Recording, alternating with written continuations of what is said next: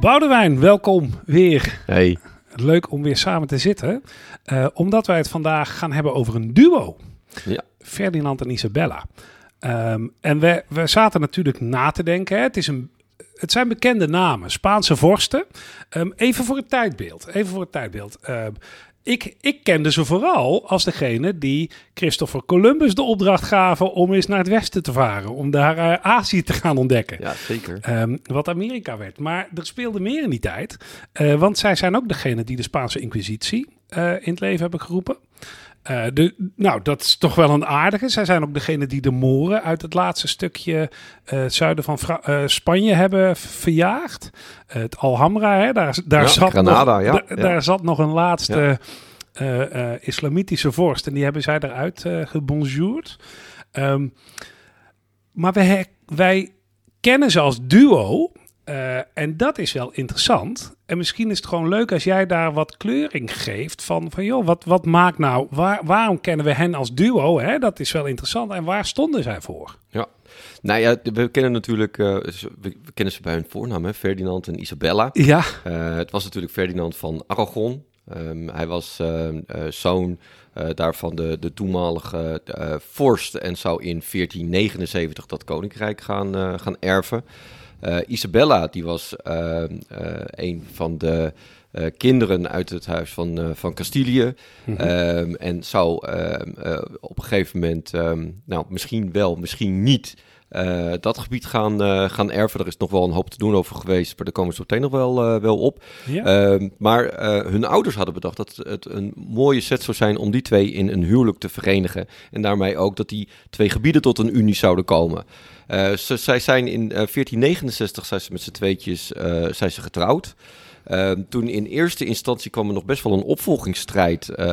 toen de vader van Isabella overleed over, over Castilië. Want was Isabella inderdaad degene Ja. die dat zou erven. Ja. Um, de Portugese vorst die had daar zo zijn bedenkingen um, bij. Die zag de bouw natuurlijk ook al wel hangen. Zeker. Als het grote Aragon met het grote Castilië samen zou gaan um, komen. Dus er heeft een tijd een successieoorlog heeft daar plaatsgevonden. Een opvolgingsstrijd dus. En um, dat is uiteindelijk in het, um, uh, heeft Isabelle daar het pleit uh, beslecht. Ja. Uh, en toen hebben, hebben ze afgesproken, dat was wel bijzonder ook, dat Isabella en Ferdinand allebei um, evenveel rechten hadden om um, bevelen te kunnen geven en om besluiten te kunnen, te kunnen nemen. Um, en uh, op een gegeven moment in 1479, toen overleed de vader van, uh, van Ferdinand. Uh, en toen kregen ze dus ook Aragon erbij. Nou, wat, wat hun grote uitdaging echt was, was om die twee uh, ja, vorstendommen met een rijke geschiedenis, ieder voor zichzelf, tot een eenheid um, te smeden. En dat is uiteindelijk is dat ook gelukt. Het is tegen het einde van hun regeerperiode zie je in de literatuur dat voor het allereerst het woord España gebruikt gaat worden om die twee gebieden, dat koninkrijk, die personele unie, om dat uh, als geheel zeg maar uh, te karakteriseren. Dus je ziet daar dat die eenheid uh, echt ontstond. Ja, dat hebben ze gedaan door met name ja, een beetje een gemeenschappelijke vijand ja, te nee, creëren. een klassiekertje. Ja, echt een en eerst vorst tegen de Joden. die Ja. noemde je nog niet. nee, maar Maar die hebben ze in 1492, uh, het, toch wel het, het hele belangrijke jaar, 1492, hebben ze een verdrijvingsedict um, uh, getekend, allebei. Uh, waarbij de Joden niet langer welkom meer waren in, uh, in hun gebieden.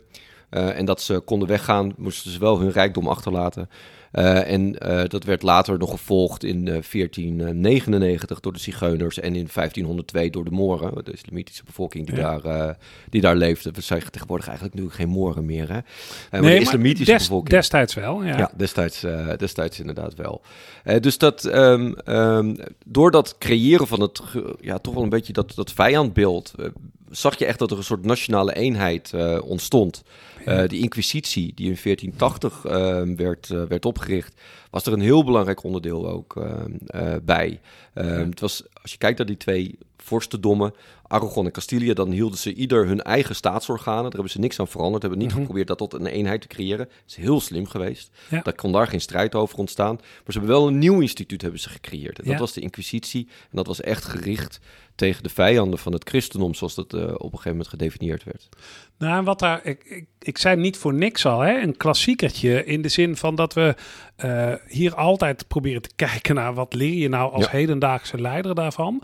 Ehm, en wij ook geregeld, niet alleen in deze aflevering, tot de conclusie komen dat methoden van toen soms met termen eh, werden gebruikt en tegen bevolkingsgroepen die tegenwoordig volstrekt ondenkbaar zijn of zouden moeten zijn. Zouden moeten zijn, Hè, dus, ik, ja. dus, eh, maar het gaat even om, wat, wat kun je nou binnen het normale en het ethische van de hedendaagse tijd, wat kun je daarvan leren? En dat vind ik wel heel mooi. Hè? Wat, wat jij beschrijft inderdaad over dat instand houden van heel veel van het oude, dat maakt dat het verzet eh, tegen eh, dat je dingen verliest. Hè? De, de loss aversion, zoals Ja. dat zo mooi heet Ja. in, veran, in de veranderkunde, die, is, die wordt natuurlijk verkleind als je ook mensen iets niet laat verliezen. Hè? Dus als dingen mogen blijven bestaan. Maar wat zo mooi is, zo'n in, inderdaad zo'n instituut, wij zijn dan, eh, en met name dat verdrijven ook wat zij probeerden in het zuiden van Spanje, echt ook die strijd aangaan tegen nou, dat wat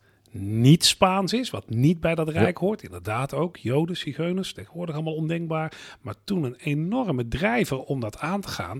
Ja, dat werkt dus wel. En, en op een of andere manier is dat, vind ik dat wel een, eh, wel een mooie, ondanks de gruwelen die die Spaanse Inquisitie natuurlijk ook wel heeft gehad. Eh, het is, ik, ik vind het wel krachtig als je nadenkt van, hé, hey, zo werkt het dus.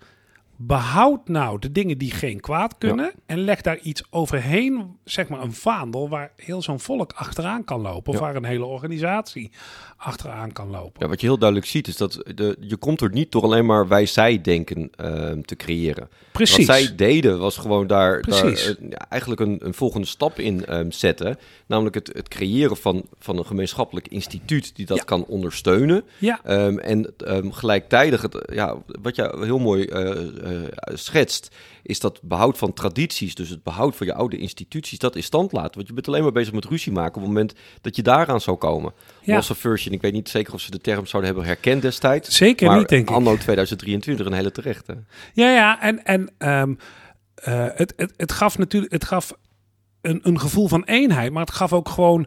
Eh, ze konden ook daadwerkelijk ten, ten strijde trekken. Hè? Dat was natuurlijk ook het mooie in die zin. Ze hadden ook echt iets om zich eh, tegen af te zetten. Hè? Die dat zuidelijke deel van Spanje, dat moest ook gewoon nog veroverd worden. En dat was een strijd van eeuwen geweest. Ja. Ehm, hè? Dus, dus in die zin eh, denk ik ook dat, ze, dat, dat het niet... Het was geen loze kreet. Dat is denk ik ook wel een beetje wat jij probeert te benoemen met dat instituut, een instituut maken. Dat heeft geen zin als dat eigenlijk een soort van showprocesachtig eh, iets is. Hè? Als Nee, je dat gewoon, echt betekenis. ja, Ja. Ehm, nogmaals, een betekenis waar we nu van zeggen van goh, hebben we niet nodig. Maar eh, het maken van een nieuwe betekenis, dat helpt dus wel. En toch even kijkend naar uitdagingen die je tegenwoordig nogal ziet, dan ehm, eh, vind ik dat het, niet, dat het eh, in veranderingen niet altijd lukt om echt goed te eh, eh, zeg maar manifest te maken waar het, het, eh, de nieuwe gezamenlijke winst in zit. En als dat al lukt, dan eh, als je het dan doet zonder iets te institutionaliseren, dan blijft het in heel veel hoofden ook wel een beetje hangen als van ja, dat zeggen ze nou wel, maar is het er ook echt? Dus hè, eh, put your money where your mouth is, Ja. om, het, om nog maar eens even een Engelse term erin te gooien. Dat helpt dus wel en dat hebben zij wel gedaan. Ja, ja, Ja. in die zin denk ik dat we er nog echt wel voor het ja, tegenwoordige management gewoon wel uit kunnen, kunnen houden. Wat ik zie wel, ook als je kijkt bijvoorbeeld naar reorganisaties, eh, dan zie je heel snel dat ehm, eh, mensen die komen reorganiseren eh, al het oude willen vernietigen.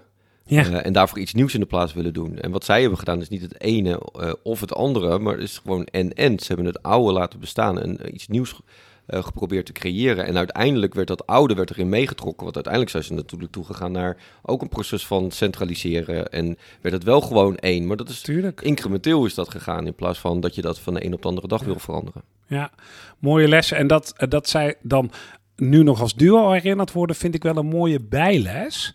Die je ook kunt trekken. Weet je, het is niet altijd nodig om één boegbeeld te hebben. Je kunt ook gewoon ieder met je eigen, met je eigen standplaats, je eigen roots, je eigen wortels. ehm, nou ja, goede afspraken maken. En dan kun je dus ook gewoon als tweehoofdige leiding prima iets bereiken. Als je maar iets van een hoger doel eh, creëert. Ja, Ja, mooie les. Dankjewel weer.